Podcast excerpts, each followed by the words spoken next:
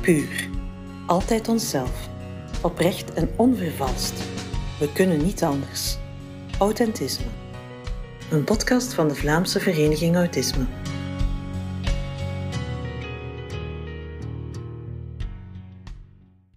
De dag dat je kind de diagnose autisme krijgt, heb je al een hele weg afgelegd.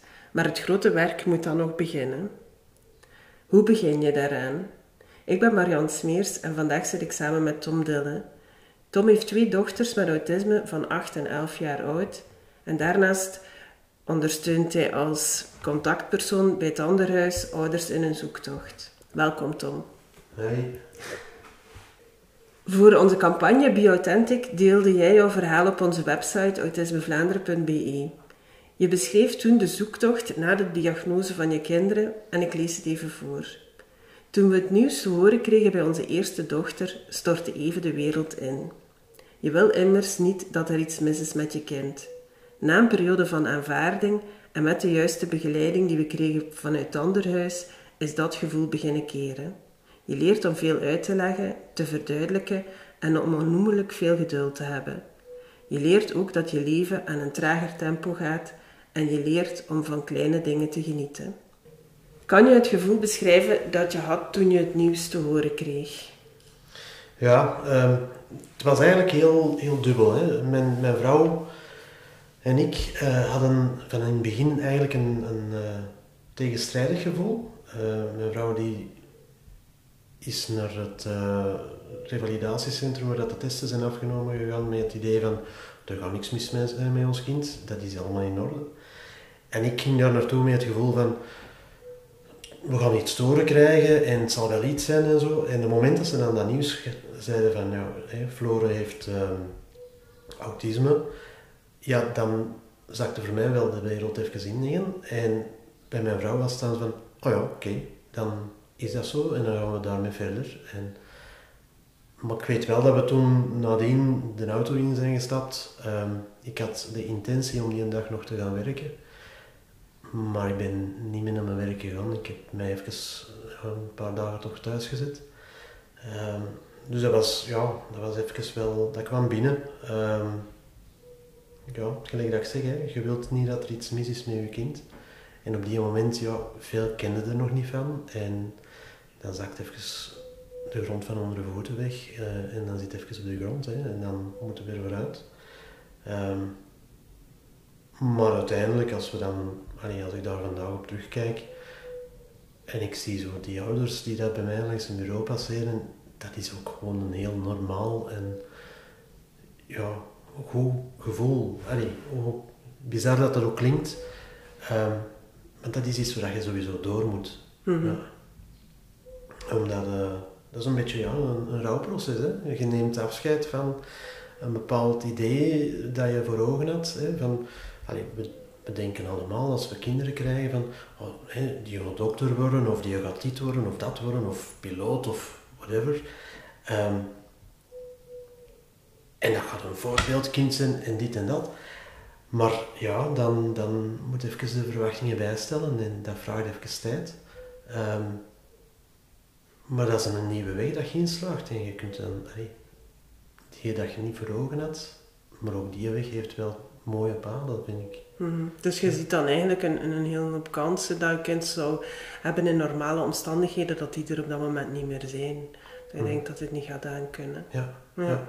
Terwijl, allee, als ik daar nu op terugkijk, um, dat is ook zo'n vraag die ik zo regelmatig krijg hè, bij, bij de mensen die langskomen bij mij. Uh, van, ja, maar ja, gaat hij dan nog... Wat gaat er komen van die zijn leven en zo? En ik zeg dan altijd tegen de mensen, ik zeg, kan hem lopen? Ja. Heeft hem van, van de eerste dag kunnen? Nee. Hij heeft dat geleerd, hè? Ja, nou wel. Dat is Sam ook wel leren. Dat komt wel in orde. Met geduld en boterhammen. Ja. Soms hebben ouders al van alles geprobeerd en worden ze wanhopig of krijgen ze het gevoel dat ze gefaald hebben. Erkende jij dat gevoel? Had je dat toen ook? Ja, ik, um, die, die zoektocht bij ons, um, we moeten weten, de allereerste keer dat wij als koppel, nadat we ons Floren gekregen hadden, dachten we van, we gaan eens een keer droppen bij oma en opa. Ehm, en we gaan wij een dag gaan genieten in de stad en, en eens een keer gaan shoppen, even, wat me-time of onze time. Hè. Eh, en wij kwamen terug thuis, we gingen ze gaan halen bij, bij oma ehm, en die deed de deur open en die zei, dat is niet normaal, er is iets mis met dat kind. Je, je moet dat laten onderzoeken. En wij hadden zoiets van, hé, overdrijf nou eens toch niet. En ehm, ja, dan, dan maakte dat mee. En dan kort daarna, dan bij de crash, kregen we ook al vanaf de eerste dag zo van, ja, ze kon niet slapen in, in, tussen de andere kindjes. We hebben ze apart moeten liggen. Ehm, op de deur kregen we zelfs een, een, een, brief mee toen dat we van Antwerpen naar Gent verhuizen. Uh, voor de nieuwe crash, waar dat dan zo in stond van ja, hè, het is een coleriek kind. En, dat je denkt van alleen maar, dat is toch niet onze, dat is toch niet ons meisje, dat is toch niet ons Flore. Dat, um, en aan het moment dat ze daar dan in die nieuwe crash heel voorzichtig aangaven van zouden we ze toch eens een keer willen laten testen zo. Um, ja, en dan krijg je dat, dat resultaat, dan heb je inderdaad wel zoiets van, ah nee, we hebben al die signalen al gehad.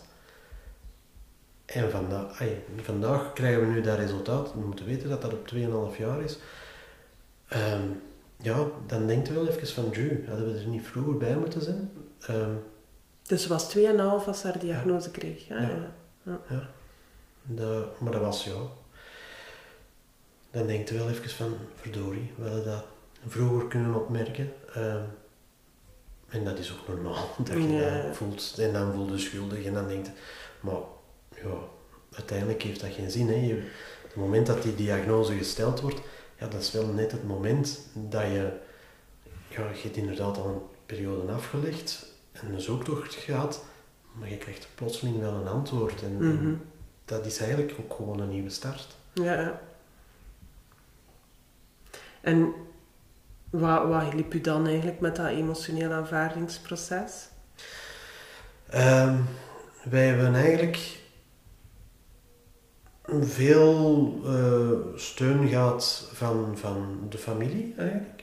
Um, wat dat ook hielp was uh, lezen. Ik was niet zo'n lezer, maar mijn vrouw wel. En die vertelde dat ik heb zo nogal graag dat mensen zo tegen mij vertellen. Zo. Ja. Um, en die vertelde het dan, hè, wat ze gelezen had. Uh, dat hielp, we hebben ook heel veel steun aan elkaar gehad uh, daarin. Uh, ja, vooral die nauwe omgeving van familie heeft er wel voor gezorgd dat we daar wel zijn doorgeraakt. Hoewel dat, dat ook niet gemakkelijk was, hè, want iedereen heeft zo, op het moment dat ze die diagnose krijgen van autisme, dan hebben ze zo het clichébeeld. Ja ja, bij ons was het al een meisje, dus dat is, past al niet bij het clichébeeld. Um, uh, dus ja, je komt ook wel eens tegen van die dooddoeners tegen, van, van onbegroeid door ballet en, en dat, is, dat is de leeftijd of dat is die peuterspubertijd. Of, uh, ja. Um, dus, maar over ja. het algemeen was er wel begrip in de familie? Binnen de familie wel, ja. ja, ja dat wel. Je vertelde juist dat uw vrouw heel veel las over autisme en dat ze dat dan vertelde aan u. Dus op zich moest je dan nog heel veel te weten komen van wat autisme juist was. Mm. Um, waar, aan welke info had je het meeste behoefte? Goh, vooral van hoe moet ik hier nu mee omgaan? Dat, um, het is zo dat ik, ik heb ooit uh, een opleiding gedaan orthopedagogie um, en daar maar ik heb dat niet afgemaakt. Maar uh, in dat eerste jaar heb ik wel redelijk wat gezien rond autisme, maar dat was ook zo het hele cliché uh, dat je dan kreeg. Uh, maar hetgeen wat ik vooral nodig had was van, ik ja, ben ook een man, hè. mannen willen problemen oplossen. Ehm, dus ik had heel veel nood aan, praktische informatie. Dus mij, mij interesseerde dat niet van waar dat, dat kwam. Nee, ik wou weten hoe, dat ik, er, dat ik het moest aanpakken. Zo. Dat, dat opgelost was. Ja. Maar ja, ondertussen weet ik gewoon dat dat niet zo goed is. um, dat je wel ja, wat moet uitleggen en dat soms ook wel handig is als je weet van waar het komt. Ja. Dat je dan de terugkoppeling kunt maken van oké, goed, ik heb hier nu dit gezegd of zo, misschien was het niet duidelijk, of misschien kun je dat dubbel interpreteren, of heeft het gewoon verkeerd begrepen vanuit, of, of duurt het gewoon wat langer, omdat er, ja, verwerkingsproces duurt gewoon ook wel langer.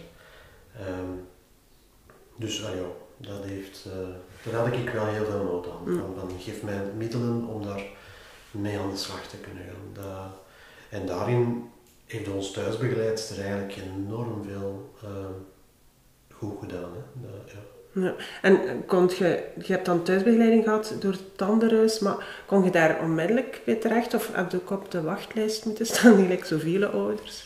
Wel, ja, um, wij hebben door het feit dat ons Floren vrij jong was, um, was er daar geen wachtlijst. Hè? Dat is die vroegbegeleiding geweest. Ja. Allee, in C is er dan zo gezegd geen wachtlijst, maar we hebben wel even moeten wachten voor dat ze. Mm maar het is niet gelijk bijvoorbeeld bij die kinderwerking of bij de adolescentenwerking dat je moet inbellen of, op een bepaalde dag uh, de vraag moet stellen van kijk, ik wil op de wachtlijst gaan staan. Nee, dat was gewoon bellen en oh ja, kijk, uh, we gaan jullie gegevens noteren en dan gaan wij, op het moment dat dat jullie is, uh, zullen wij met jullie contact opnemen. Dus ik denk dat daar toch een drietal maanden over zijn gegaan. Maar ja, dan spreek ik nog van paar jaar, ay, van negen jaar terug natuurlijk. Ja. Uh, maar nu bijvoorbeeld, ja, krijgen ze ook wel thuisbegeleiding, maar wij hebben wel op de wachtlijst moeten staan, gelijk zoveel. Ja. Zelfs al werk ik bij het anderhuis, dan nog moeten ze op de mm-hmm. wachtlijst. En ik vind dat niet meer dan juist ook. Ik vind dat zeer uh, correct. Ja. Maar op zich is het wel goed dat je toen dan niet zo lang hebt moeten wachten en eigenlijk wel veel antwoorden gekregen hebt. Want de thuisbegeleidster was dan wel heel concreet van ja. voor u dan voor die info van zo pak het best aan. En, en, was het dan, want juist werd je aan het spreken over communicatie, dan duidelijke communicatie, ging het op een ander vlak ook minder of was het vooral daar op gericht? Ehm, het was dat communicatieve dat moeilijk was, vond ik. Om dingen uit, allez, dingen die voor mij vanzelfsprekend waren, maar die dat je dan moest duiden aan, de dochter. Uh, waar ik het soms ook wel heel moeilijk mee had, was zo het, vastkomen zitten in bepaalde situaties. Zo, dat je zo zegt van ja. En dan werk ik bijvoorbeeld al eens een keer boos. Ehm, als je dan weet van, oh ja, eigenlijk helpt dat niet. Hè. Um, en probeer een andere nou, het is heel veel trial and error geweest natuurlijk. Hè. En kun je daar een voorbeeld van geven van vastzitten in een bepaalde uh, situatie? Bijvoorbeeld, als ze, ze kon soms al eens een keer enorm huilen. Um, en dan, omdat er iets niet gelopen was zoals ze verwacht had, of het een of het ander. En dan kon ze daar zo'n enorm drama rond maken en echt heel intens beginnen huilen. Um, en dan heb je geprobeerd, ah, proberen van, allee, zo werk is dat nu toch niet, en dan zo wat relativeren. En, uh, maar dat was eigenlijk gewoon olie op het vuur gooien. Hè. En dan op de duur wordt het boos, ja, dat is nog meer olie op het vuur gooien. Um, maar wij raakten er zo niet door. Zo. Van, dat kind was aan het huilen en er was zo gelijk niks dat ervoor kon zorgen dat hij stopte met huilen. Zo. Ehm, en dan op een bepaald moment zei onze thuisbegeleidster van zeg eens tegen Flore dat als ze huilt en ze wilt getroost worden, dat ze dat ook moet zeggen van iemand moet mij troosten. En dat, we hebben dat dan zo wat, wel moeten aanbrengen, maar op een bepaald moment ja, was hij zodanig weer aan het huilen en ja, maar ik gewoon gezegd van, we ze de kamer, de deur dicht doen en we blijven aan de gang staan. En in één keer zei dat meisje van, iemand moet me, door dat snikken door, iemand moet mij troosten. Ja. En dan zijn wij naar binnen gegaan, alle twee, heel rustig. En we hebben ze vastgepakt. En dat was opgelost. Dat was zo gelijk van één op twee boef gedaan met, met wenen. Zo dat. En, maar dan ja, en dan merkte van, van goh ja, als je zo dingen gaat vertellen en verduidelijken van kijk, er zijn momenten dat je weent. Ehm, en wij weten niet hoe, dat je dat, hoe dat we dat moeten aanpakken. Maar kan je ons dan vertellen wanneer dat we dat wel kunnen doen? En dan, ja, zo was daarmee weg. Dat is jezelf ook een stuk kwetsbaar opstellen van, van ja, kijk, het lukt gewoon niet. Je moet, Ja. We moeten het samen doen. Ja. Ja.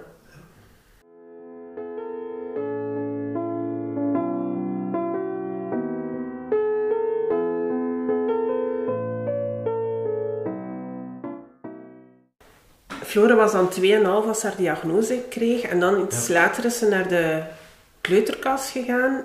Kreeg je dan info van school ook? Of hadden daar steun aan van hoe dat je best aanpakte? Of... De school zelf, ja, was, nee, zeker de juf toen, was een ontzettend lieve peuterjuf. Maar die wist eigenlijk ook niet heel veel van, van autisme af. Ehm, maar die is altijd heel zorgzaam geweest voor, voor eh, ons Floren. Eh, bijvoorbeeld, eh, de drukte van de speelplaats, dat was te veel voor Floren. hè. En dan mochten wij haar gaan afzetten in de klas. En dan, dat zorgde ervoor dat zij de dag rustig kon beginnen. Dus die, die eigenlijk heel veel vanuit haar eigen gevoel van wat heeft dat kind nodig om te kunnen naar school komen. Ehm, maar die, tijdens het eerste oudercontact zei hij zelf van, van ja, ik wist niet dat dat zo vroeg kon vastgesteld worden. Dus dat was eigenlijk best wel, allee, komiek dat hij eigenlijk dezelfde zoektocht begon als dat wij Ja, moesten beginnen. Hè. Ja. Ehm, zeg het, onze kennis was, was vrij ehm ja, clichématig. Hè. Eh, Mhm. We hadden alle, mijn echtgenote die, die is van opleiding. Eh, hij heeft dus ook al wel wat kennis van, van bepaalde zaken. Ik, ik, had dan mijn jaar eh, ortho gedaan, waar dat ik een stukje in gezien had. En dan binnen mijn opleiding maatschappelijk werk had ik ook een klein stukje gezien, maar ja, dat is zo een, een droge theorie dat je maar hebt. Hè. ja, ja. Ehm, en ja, we hebben dan via de, ja, er is dan een gonjuf eh, begonnen, juf Annie was dat. En die heeft eigenlijk heel veel eh, ook kunnen betekenen, voor, zowel voor Floor, maar even ook voor ons. Eh, ook tijdens de overlegmomentjes met school. Bepaalde zaken beginnen duiden, toch die visuele ondersteuning te benadrukken op school. Van kijk, hè, als je wilt dat, of, of een dagstructuur, dan was het maar dat, dat ze een beetje die voorspelbaarheid had. Ehm, dus dat was wel, dat, ja. En verliep dat dan vlot? Kon, kon de juf, nam de juf dat dan aan? Of, of, eh, We hebben altijd wel het gevoel gehad dat, eh, dat de, de leerkrachten daarmee mee waren. Ja. Juist in het derde leerjaar, dat was een heel chaotische juf, ehm, die wel heel veel begrip had voor eh, de situatie van Flora, maar die dat ja, zodanig chaotisch was. Dat was ook een heel artistieke, en met muziek in de klas. En, allee, ja, en ons Floor werd daar gewoon knettergek. maar eh, los van dat, eh, hebben de leerkrachten op school altijd heel veel begrip gehad. Hm. En daar zijn we eigenlijk best wel dankbaar voor, want dat is niet altijd het geval. Dat weet ik vanuit mijn functie als, als contactpersoon, dat ik af en toe wel eens een keer op school kom, waar dat er soms redelijk wat onbegrip is ook. Ehm, of waar dat ja, zelfs ouders en, en leerkrachten soms zeggen van ja, maar ja, hij moet zich maar aanpassen. Ja, nee. Het zijn wij die er moeten voor zorgen dat we de situatie zodanig goed maken voor dat dat kind mee kan ja. als dat structuur nodig heeft, ja, dan moeten we zorgen dat die structuur er is, of dat die toch duidelijk is. En dat zijn soms maar heel kleine inspanningsjes die ervoor kunnen zorgen dat dat kind wel mee kan. hè. Uw oudste dochter die kreeg dan op, 2,5 op haar 2,5 haar diagnose, maar uw, uw jongste dochter die heeft ook autisme. Ja, En hoe was dat dan voor haar? Want uiteindelijk had jij dan al ondertussen heel wat info over autisme. Hadden dat dan direct door dat, eh, dat zij ook autisme had? nee, eigenlijk niet. Ehm, bij de jongsten is het pas vastgesteld op de leeftijd van zes jaar. Ehm, we wisten dat zij altijd wel wat gevoeliger was. Ehm, we wisten dat ze ook wel wat nood had aan, aan ja, voorspelbaarheid. Maar we denken dat de jongste vooral heel hard heeft meegesurfd op de aanpassingen die we gedaan hebben voor de. Ehm, en dat is in haar, in haar voordeel geweest natuurlijk, hè, maar dat heeft er ook wel voor gezorgd dat ze vaak, en eigenlijk altijd, heel goed kon camoufleren. Um, wat dat maakte dat het voor ons ook soms wel zo moeilijk was om te zien van is het nu wel, is het nu niet. Tot op het moment dat we dan op vakantie zijn geweest, de allereerste keer, en dat dan zo duidelijk werd van oei, dit is gedrag dat we lang geleden niet meer gezien hebben bij de oudste. En dan vroeg de, de oudste van zeg, is dat van u? Nee, zei die, dat is van de jongste. Mm. En uh, ja, dan, dan, dan begin je daar wat meer op te letten. Ik was dan ondertussen ook al hè, begonnen bij het anderhuis. Ik was er ook al lang vrijwilliger geweest als bezoekhouder. Dus allee, met alle kennis die dat ik dan door ervaring al had opgedaan, dan beginnen kijken en dan, goh, ja, toch nog eens een keer gaan testen. Zo. En dan ja, bleek uiteindelijk dat, uh, dat zij ook autisme had. Ja. ja. onder andere door de wachtlijst en de zorg um, moeten mensen, ouders en kinderen, vaak lang wachten op ondersteuning en zijn gezinnen soms ontwricht of relaties binnen een gezin verstoord. Hoe was dat voor jullie als, uh, als je pas die diagnose kreeg? Dat heeft ook wel zijn um, spanningen meegebracht. Hè? Gewoon het feit al van dat ja, man vrouw uh, al, uh, onze achtergrond speelde ook een beetje. Uh, zijn dat mijn vrouw heel als, als kind heel, ook heel um, geduldig is opgevoed en, en zachter is opgevoed. Ik kwam uit een gezin waar hè, papa was politiecommissaris, mama was uh, lerares, dus dat, was, dat was, waren zeer autoritair, eh, autoritaire mensen, zeer toffe mensen, hè, lieve mm -hmm. mensen. Ja, maar ja, moesten ze luisteren. Maar dat maakt wel, ja, dat was heel, soms heel streng en, en, en kordaat. En, um,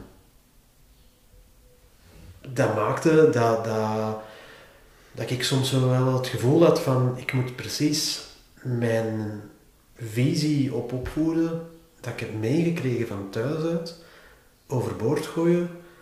Um, en ik had zo niet altijd goed zien om zo te volgen met mijn vrouw. Dat, en dat zorgt natuurlijk wel voor wat spanning. Um, maar allee, door heel veel te communiceren met elkaar en, en te luisteren. En soms, ja, soms wel eens een keer gewoon ruzie maken. Hè. Mm -hmm. uh, en soms is het ja, Wouter bij de wijn doen, van allebei de kanten natuurlijk. Hè. Ik moet zeggen dat onze thuisbegeleidster daar ook wel um, altijd heel goed is in geweest om zo te zeggen van ja maar kijk, je hebt altijd, je zegt mama en papa en ieder heeft zijn aanpak. En het is ook niet slecht dat een kind die twee dingen ziet. Die, hè, uh, je moogt gevoelens hebben en het is ook maar goed dat je die kunt uiten als je het maar verduidelijkt nadien. Mm -hmm. Als je er maar uitleggen rondgeeft van, van oké, okay, kijk, is er nu inderdaad boos geworden hè, als papa, maar leg het dan ook uit waarom dat je boos bent geworden, zodat ze dat ook leert. Ja. Um, dat vond ik, uh, maar het is wel heel herkenbaar, ja. Mm. Het is, ook... het, is, het is, een stuk zoeken naar, naar hoe kan ik mezelf blijven met mijn eigen waarden en normen en toch tegemoetkomen aan de noden van mijn kind met autisme. Ja, dat klopt. Ja. En dan zowel als mama als als papa. En uiteindelijk kunnen dat twee verschillende aanpakken zijn. Ja, absoluut. Ja. Is dat ook iets wat je merkt op je werk? Ja, ik merk dat wel dat... Uh, zeker als zo uh, ouders met twee komen, hè, dan um, ben ik altijd zo wel extra benieuwd naar hoe dat de beleving is voor de papa. Hè, omdat ik kan hem wel heel goed begrijpen hoe dat mama's zich voelen en zo. Uh, um, maar papa's hebben soms wel eens een keer een andere mening of een andere visie. Um, en dan vind ik het altijd wel heel goed om, te, om daar ook een keer naar te luisteren. Ehm, en ik vind het ook altijd interessant om tegen dat gezin dan mijn eigen verhaal soms dan eens een keer te, te zetten. Van kijk, ik kan dan binnen mijn professionele, als ik mijn professionele klak op heb, kan ik wel redelijk wat vertellen. Ehm, en dan zie je soms al wel eens een keer dat een papa durft afhaken van, van oh ja, ja, dat is allemaal vanuit de boekjes en zo. En als ik dan vertel van, ja maar kijk, ik weet dat dat af en toe eens een keer wel lastig kan zijn. Eh, want ik heb er zelf ook twee. En dan zie je zo wel dat die papa's, dat je daar sneller een aansluiting mee hebt. Van, van ah, oh, oh maar dat is hier ook een papa. Ja. En, ah, die heeft dat ook gehad. Dat hem zo wel wat meer oplossingsgericht is en, en, en al die theorie moet ik allemaal niet weten. Um, oh, maar die vertelt me dat hier nu en, en toch vanuit zo die theoretische achtergrond en toch die worsteling die dat ook wel um, wat, wat, wat, eigen is van, van goh, dat darderen van de papa die je dat... Allee, wat ik niet meer wil gezegd hebben, dat alle papa's hard zijn nee, nee, nee, hè, maar, maar het is sowieso wel een andere aanpak, denk het is ik, een, tussen aanpak, hè. Dat moeders is, uh, en vaders. Ja. Ja. En dan zie je wel dat je die zo wel van sneller mee hebt. Mhm. Uh, ik vind dat ook wel belangrijk uh, om daar ook mijn verhaal in mee te geven, omdat ik ervan overtuigd ben dat dat kan helpen om die dingen soms wat te benoemen. Van kijk, hè, ik heb dat is herkenbaar dat dat soms voor spanningen leidt binnen jullie relatie. Um,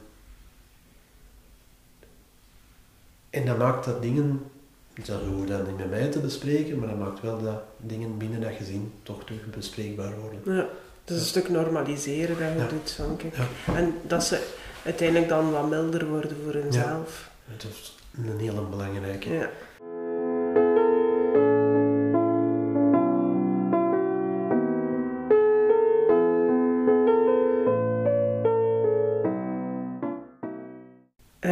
Mensen die nood hebben aan een luisterend oor, die kunnen bellen naar de autisme-telefoon op het nummer 078 152 252 Ehm, of een bezoek brengen aan, de, aan het infohuis Autisme. Ehm, ze komen dan terecht bij vrijwilligers van de Vlaamse Vereniging Autisme. En onze vrijwilligers, dat zijn eigenlijk allemaal mensen die ofwel zelf autisme hebben of persoonlijk betrokken zijn eh, als ouder of broer of zus of partner van iemand met autisme. En ik denk dat mensen die, die in die zoektocht zitten, als ze pas eh, de diagnose van een kind te horen krijgen, dat ze er wel veel baat bij kunnen hebben om ehm, contact te hebben met bondgenoten. Eh, dat ze kunnen, om hun verhaal kwijt te kunnen en dat er iemand die weet wat dat is, naar hen kan luisteren. Eh, bij het Tandenhuis eh, heb je de, bij de Liga eigenlijk, heb je de autisme chat. Kun je daar wat meer uitleg over geven? Ja. Ehm, wel, het is, het is zo, hè, je, je verbeterde het inderdaad naar de Liga Autisme. Ehm, bij de, die hebben, denk nu al twee jaar de Autisme Chat opgericht. Ehm, en het is zo dat die, ja, je kunt daar als ouder of als persoon met autisme, kan je daar terecht. Hè, als je vast komt te zitten of inderdaad ook een luisterend oor nodig hebt. Nu was het grote verschil tussen hè, de, de infolijn en de autisme-chat. Je zei het zelf, bij de infolijn is het, zijn het vrijwilligers. Ehm, is het vooral vanuit dat bondgenootschap. Hè. Bij de autisme-chat zit er eigenlijk aan de andere kant van het scherm een hulpverlener. Dat zijn mensen die daar eh, voor de thuisbegeleidingsdiensten rond autisme eh, van over heel Vlaanderen eh, aan zich engageren om die een chat te bemannen.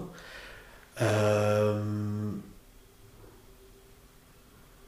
dat wil zeggen dat, dat je daar zeker van mag zijn dat je een professional hebt die dat inzichten heeft in theorie, ehm, maar die ook luisterend door kunnen bieden, of heel praktische oplossingen soms kunnen aanbieden of aanreiken, of eventueel gewoon ook kunnen gaan doorverwijzen. Hè, van, oh, ehm, zeg jij van, eh, van Oost-Vlaanderen, ah, ga een keer horen bij het Tanderhuis. Hè, of, of eh, ben je van Antwerpen of van Mechelen?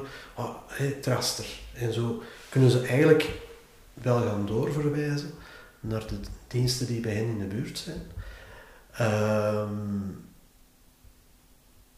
maar dat is, niet, dat, is, dat is niet dat, dat ook al zijn dat hulpverleners, dat je dan, ik kan me voorstellen, mensen die dan zo lang op de wachtlijst staan, die zeggen van ik ga daar, mijn, ik ga daar contact mee opnemen, want die gaan mij vooruit hebben. Dat is niet hetzelfde als, als echt thuisbegeleiding krijgen. Nee, thuis, je kunt niet gaan vergelijken als thuisbegeleiding. Het is, het is, uh, maar wat dat bijvoorbeeld wel kan zijn, is um, bijvoorbeeld, stel een persoon met autisme zou daar naartoe, hij heeft morgen een gesprek met een, een, een dokter, ik zeg maar mhm. iets, hè, eh, rond, rond het probleem dat hij heeft, waar dat hem dan zegt van, goh, ik, ik, moet hier, uh, ik, moet, ik moet dat hier gaan vertellen, maar ik weet eigenlijk niet goed hoe dat ik dat moet vertellen. En, ja, dan zal die een persoon aan de andere kant zeggen van, goh, hè, uh, zou het helpen om dat op te schrijven, wat, dat je, wat dat je mee zit.